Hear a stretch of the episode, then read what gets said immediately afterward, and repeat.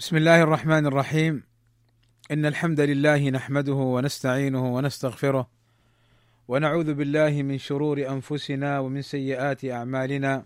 من يهده الله فلا مضل له ومن يضلل فلا هادي له. وأشهد أن لا إله إلا الله وحده لا شريك له وأشهد أن محمدا عبده ورسوله. ألا وإن أصدق الكلام كلام الله وخير الهدى هدى محمد وشر الأمور محدثاتها وكل محدثة بدعة وكل بدعة ضلالة وكل ضلالة في النار. أما بعد فمرحبا بكم أيها الإخوة والأخوات في لقاء متجدد مع دراسة منظومة القواعد الفقهية للشيخ عبد الرحمن بن ناصر السعدي رحمه الله تعالى. وقد مر بنا في اللقاء الماضي ما يتعلق بتعريف هذا العلم وترجمة السعدي رحمه الله تعالى والتعريف بهذه المنظومة. وفي هذا اللقاء نشرع بإذن الله تعالى في تدارس هذه المنظومة. قال الناظم رحمه الله تعالى الحمد لله العلي الأرفق وجامع الأشياء والمفرق. ابتدأ السعدي رحمه الله تعالى بالحمد لله وهذا منه اقتداء وتاسيا بكتاب الله عز وجل الذي ابتدأ بالفاتحة الحمد لله رب العالمين. وأيضا ما جاء عن النبي صلى الله عليه وسلم أنه كان يقول في خطبة الحاجة إن الحمد لله نحمده ونستعينه الحديث. وأما حديث كل أمر ذي بال لا يبدأ فيه ببسم الله أو بالحمد لله فهو أبتر أو أقطع أو أجزم فهو حديث ضعيف. والحمد وصف المحمود بالوصف الجميل مع محبته وتعظيمه. ولذلك الحمد لا يكون إلا لله. لذلك نحن نقول الحمد لله. فهو سبحانه وتعالى مستحق الحمد. وهذا في آيات كثيرة. ولذلك قال الناظم الحمد لله فقوله لله اللام للاستحقاق. ثم وصفه بقوله العلي. وهذا فيه إثبات صفة العلو لله عز وجل. والله موصوف بالعلو التام بعلو الذات وبعلو القدر وبعلو القهر. فهذه أنواع العلو الثلاثة التي دلت عليها النصوص الشرعية. والأرفق أي أنه سبحانه وتعالى كما وصفه نبينا الكريم عليه الصلاة والسلام إن الله رفيق يحب الرفق. فهو سبحانه وتعالى كما قال السعدي رفيق في أفعاله فأفعاله رفق على غاية المصالح والحكمة. الحمد لله العلي الأرفق وجامع الأشياء والمفرق. أي أنه سبحانه وتعالى جمع الأشياء في شيء وفرقها في شيء. فالخلق يجتمعون في كونهم خلقه سبحانه وتعالى وأنه رزقهم وفرق بينهم أي بين خلقه في الأشكال والصور والطول والقصر والسواد والبياض كما قال السعدي رحمه الله تعالى. وهذا منه أي من السعدي براعة في الاستهلال. وذلك كما يقول أهل البلاغة أن يضمن المقدمة شيئا من مقصود الكلام. لأن القواعد الفقهية تجمع الأشياء المتماثلة وتفرق بين الأشياء المتفرقة. وقوله رحمه الله تعالى الحمد لله العلي الأرفق الأرفق. هذا من باب الإخبار وليس من باب التسمية فالأسماء توقيفية. والإخبار يصح بكل معنى صحيح كما قال أهل العلم. ثم قال الناظم واصفا لله عز وجل ذي النعم الواسعة الغزيرة. والحكم الباهرة الكثيرة. وصف السعدي رحمه الله تعالى وصف الله سبحانه وتعالى بأنه المنعم بالنعم الكثيرة. وقوله واسعة أي ضد الضيق من السعة. ونعم الله كثيرة وأعظم هذه النعم نعمة الإسلام. ومن أعظم نعمة الدين أن تكون عالما بأحكام هذا الدين. والنعمة كل ما ما يجلب للإنسان فرحا أو سرورا حسا أو معنى. ثم وصف الله سبحانه ثم وصف الله سبحانه وتعالى بالحكم الباهرة الكثيرة. والحكمة وضع الشيء في موضعه المناسب اللائق به. فهي حكم عظيمة تبهر العقول وتتعجب منها غاية العجب. وكل ما شرعه الله ففيه حكمة وفيه مصلحة العباد. وهذا ينبغي أن يكون يقين المؤمن في جميع الأحكام الشرعية حتى لا يضيق ذرعا في أمر الله عز وجل بل يعلم ويوقن أن كل ما أمر الله عز وجل فيه مصلحة للعباد. ثم قال الناظم رحمه الله تعالى ثم الصلاة مع سلام دائم على الرسول القرشي الخاتم. الصلاة على النبي صلى الله عليه وسلم هي ثناؤه على عبده في الملأ الأعلى ثم الصلاة مع سلام دائم. لكن هل يقال إن الصلاة هي الرحمة؟ الرحمة من الله؟ لا تفسر بالرحمة لا تفسر الصلاة بالرحمة لثلاثة أمور. اولا أن الله تعالى غاير بينهما أي بين الصلاة والرحمة كما في قوله أولئك عليهم صلوات من ربهم ورحمة. الثاني أن سؤال الرحمة مشروع لكل مسلم. الثالث أن رحمة الله عامة وسعت كل شيء وأما صلاته فهي خاصة بخواص عباده كما أفاده ابن قيم الجوزية رحمه الله تعالى. وقوله قول الناظم الخاتم أي الذي ختم الله عز وجل برسولنا ختم الأنبياء والرسل فلا نبي بعده صلى الله عليه وسلم ولا رسول. والقرشي هذا نسب نبينا محمد محمد صلى الله عليه وسلم فهو قرشي. وهم بنو النضر ابن كنانة. ثم قال الناظم وآله وصحبه الأبرار الحائز مراتب الفخار. الآل تأتي بمعنى القرابة وتأتي بمعنى الأتباع والمراد بهم هنا الأتباع. آله أي أتباعه صلى الله عليه وسلم. والأصحاب جمع صاحب والصحابي هو من لقي النبي صلى الله عليه وسلم مؤمنا به ومات على ذلك.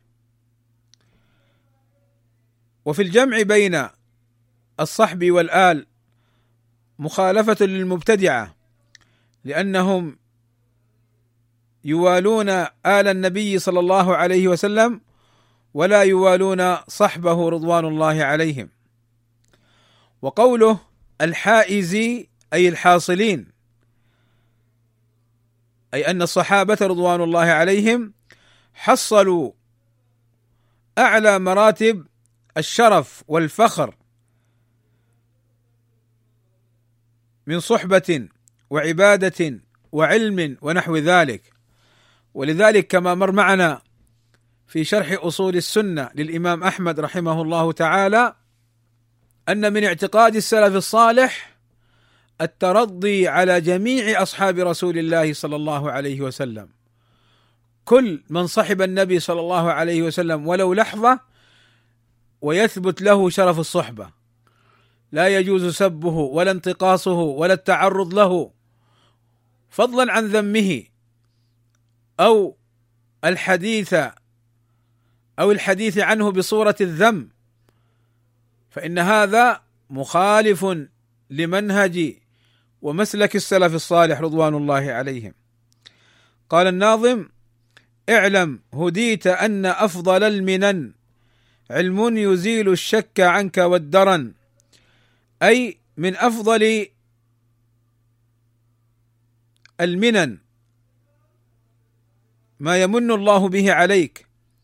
ومن أفضل النعم التي ينعم الله بها على عباده العلم النافع في الدنيا. علم نافع وهو الذي يزيل عنك الشك والدرن. وضابط العلم النافع هو ما أزال عن القلب شيئين. الأول الشبهة التي تورث الشك وذلك باليقين وبالتمسك بالمنهج السلفي الصحيح. والثاني الشهوة التي تورث درن القلب وقسوة القلب وتثبط البدن عن الطاعات ويكون بالإيمان التام. وهذان أعني الشك والشهوة سببا لموت القلب وعلاجهما بالعلم النافع. وقوله الدرن أي الوسخ والمراد المعاصي والشهوات. ومعنى البيت هو ما جاء عن أبي العالية. رحمه الله تعالى حيث قال ما أدري أي النعمتين أفضل أن هداني الله للإسلام أو عافاني من هذه الأهواء. ولذلك الناظم رحمه الله تعالى أشار لمسألة مهمة أن العلم يزيل عنك الشك ويزيل عنك الدرن. أما إذا بقي الشك في قلب طالب العلم وبقي الدرن في قلب طالب العلم فإنه يأتي بالفتن ويأتي بالشر والخلاف. ولذلك من الأمور التي تضر الدعوة السلفية أن يصدر أناس هم في حقيقتهم رجيع ومخلفات للجماعات لم تمح من قلوبهم هذه الشبهات. ويصدروا على أنهم سلفيين فيقطعوا السلفيين ويطعنوا في السلفيين وهم المستحقون للطعن لأنهم لم تزل في قلوبهم تلك الشبهات أو يصدر للدعوة السلفية رجيع ومخلفات الشهوات الذين تربوا على الحقد والحسد والمنافسة المذمومة في الدنيا لطلب المناصب فيصدرون في الدعوة السلفية فيقطعون أوصال الدعوة السلفية. وهذا مما يضر الدعوة السلفية. ولذلك كان السلف فيما يذكر عنهم أن من أراد أن يطلب العلم تنسك اولا. ما معنى تنسك؟ أي تعبد لله. فأخرج ما في قلبه من شهوة أو شبهة وأصبح قلبه نظيفا فأقبل على العلم فأثمر العلم النافع والعمل الصالح.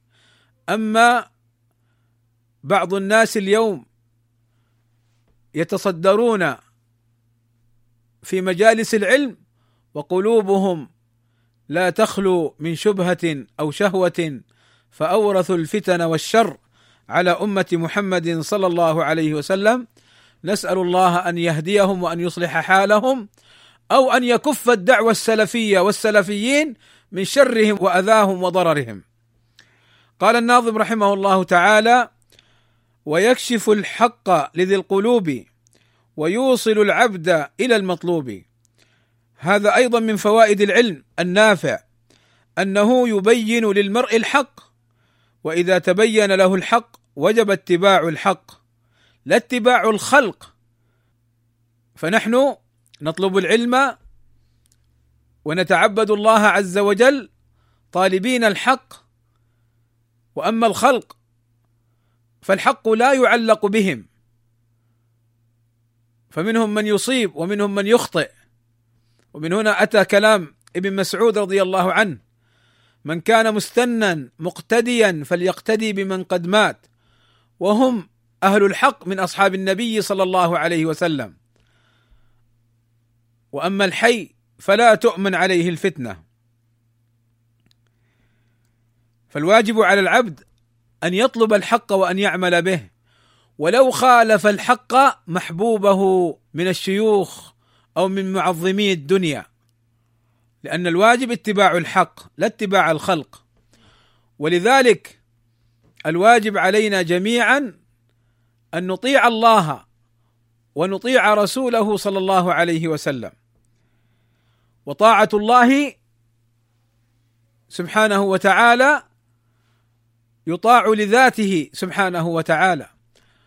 وأما الرسول صلى الله عليه وسلم يطاع فلأن الله أمرنا بطاعته ولأنه مبلغ عن الله عز وجل وهو بشر عليه الصلاة والسلام. قل إنما أنا بشر مثلكم يوحى إلي أنما إلهكم واحد. قال تعالى قل إن كنتم تحبون الله فاتبعوني يحببكم الله. فطاعة الرسول صلى الله عليه وسلم من طاعة الله. من أطاعني فقد أطاع الله ومن عصاني فقد عصى الله. ولا يطاع الرسول صلى الله عليه وسلم لذاته. هذا غلط. هذا غلط. وهو نوع شرك. لا يجوز أن يقال هذا الكلام. كما نبه على ذلك أهل العلم. ولذلك الواجب على كل مسلم أن يطيع الله ويطيع رسوله صلى الله عليه وسلم ويطلب الحق المأمور باتباعه. ولذلك قال الناظم رحمه الله تعالى ويوصل العبد إلى المطلوب. ما هو المطلوب؟ رضا الله عز وجل. ويوصله إلى جنة الخلد بإذن الله تعالى. وقوله لذي القلوب أي الحية والعقول المستقيمة السليمة. لا العقول المتحجرة أو المتعصبة ولا القلوب العمياء التي تبصر الحق ولا تعمل به وتدعو إلى الباطل وتحارب لأجله. فنسأل الله السلامة والعافية من تلك القلوب الميتة ومن تلك العقول المغطاة التي لا تبصر الحق. هذه فوائد العلم والعلم إذا لم يقد إلى العمل الصالح وإلى طاعة الله سبحانه وتعالى وطاعة رسوله صلى الله عليه وسلم فإنه يكون فإنه يكون وبالا على صاحبه ويكون حجة عليه لا له. قال الناظم لترتقي في العلم خير مرتقى. وتقتفي سبل الذي قد وفقا أي أن طالب العلم إذا تعلم هذه القواعد يزداد علمه ويرتقي اي يعلو وتزداد مرتبته في طلب العلم لأن العلم درجات. العلم درجات. والإنسان ما يرتقي في العلم بجهله وتخبطه أو بجاهه ومنزلته وإنما يرتقي بالتعلم والعمل الصالح والعلم النافع. ولذلك بعض الناس اليوم لما قدموا للأمة على أنهم من أصحاب العلم ولا علم عندهم وقعوا في عقبات وفي مطبات في مسائل علمية لا يجهلها صغار طلاب العلم. نسأل الله السلامة والعافية. وبعض الناس يظن أنه بوجاهته يكون مقدما أو عالما أو ممن له الكلام في مسائل العلم وهو لم يطلب العلم عند العلماء. ولو جلس عند العلماء فما طلب العلم إنما يكون ذاهبا آتي ويكون مثلا في خدمة الشيخ. هذا ليس علم العلم أن يتعلم. ولو كان من أبناء الشيخ فالنسب لا يعطي علما والخدمة لا تعطي علما فضلا أن يكون من أصهاره أو من أقربائه. إنما العلم كما قال النبي صلى الله عليه وسلم وجاء موقوفا على ابن مسعود إنما العلم بالتعلم ليس بالخدمة أو بالقرابة أو بالوجاهة. بعض الناس والله نعرفه جاهلا لم يطلب العلم تربى في أحضان الإخوان وكان لا يجلس عند العلماء إنما يأتي ويقف وكذا ثم يذهب. ثم الآن يصدر للناس على أنه عالم وللأسف يخدع به من خدع. ولذلك بارك الله فيكم معرفة العلم وميزانه وقواعده ومن هم أهله هذا أمر مهم. ولذلك السعدي انظروا عدة أبيات يقرر هذه المسألة. ويبينها ويجليها لنا. فإذا يرتقي بماذا؟ يرتقي بالتعلم. لترتقي في العلم خير مرتقى وتقتفي سبل الذين قد وفق. الذين سبقونا من العلماء تعلموا. أما اليوم فنسأل الله لنا ولهم السلامة والعافية. بعض الناس والله لا يستحق أن يسمى طالب علم. فضلا عن ان ان أن يقدم للناس أنه عالم. وهذه والله مصيبة.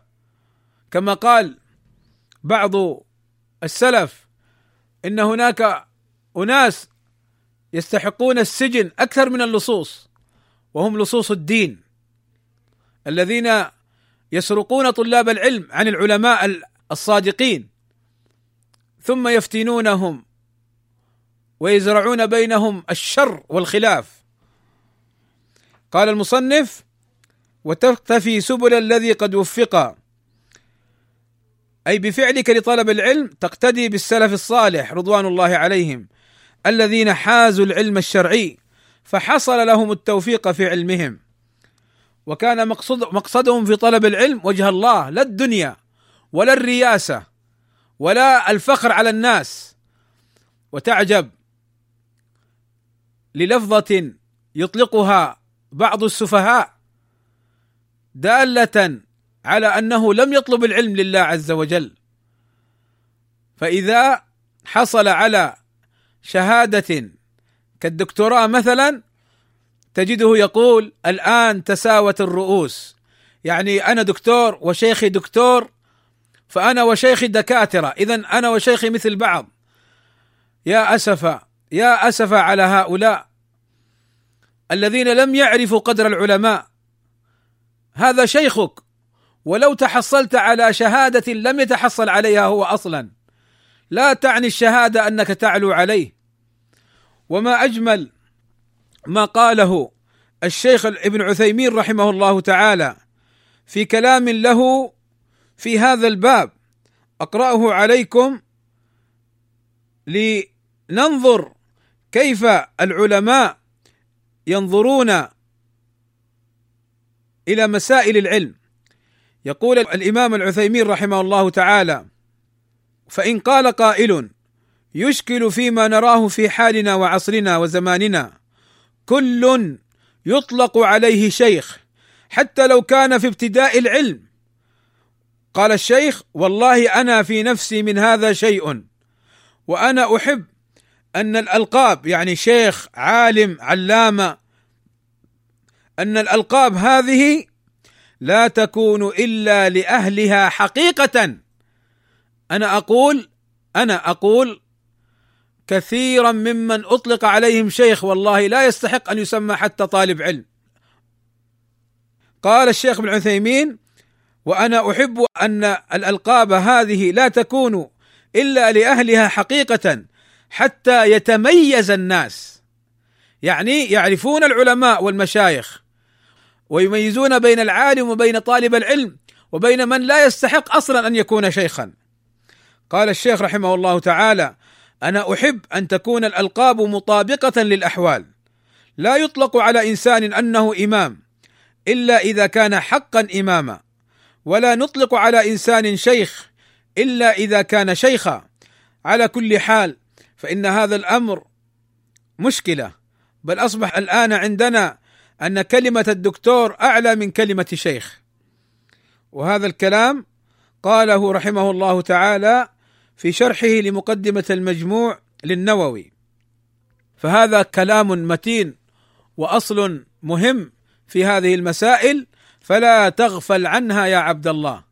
وكثير من إخواننا من ليبيا والمغرب والجزائر وتونس ومصر واليمن وكثير من بلاد المسلمين والعراق بل حتى في المدينة وفي مكة.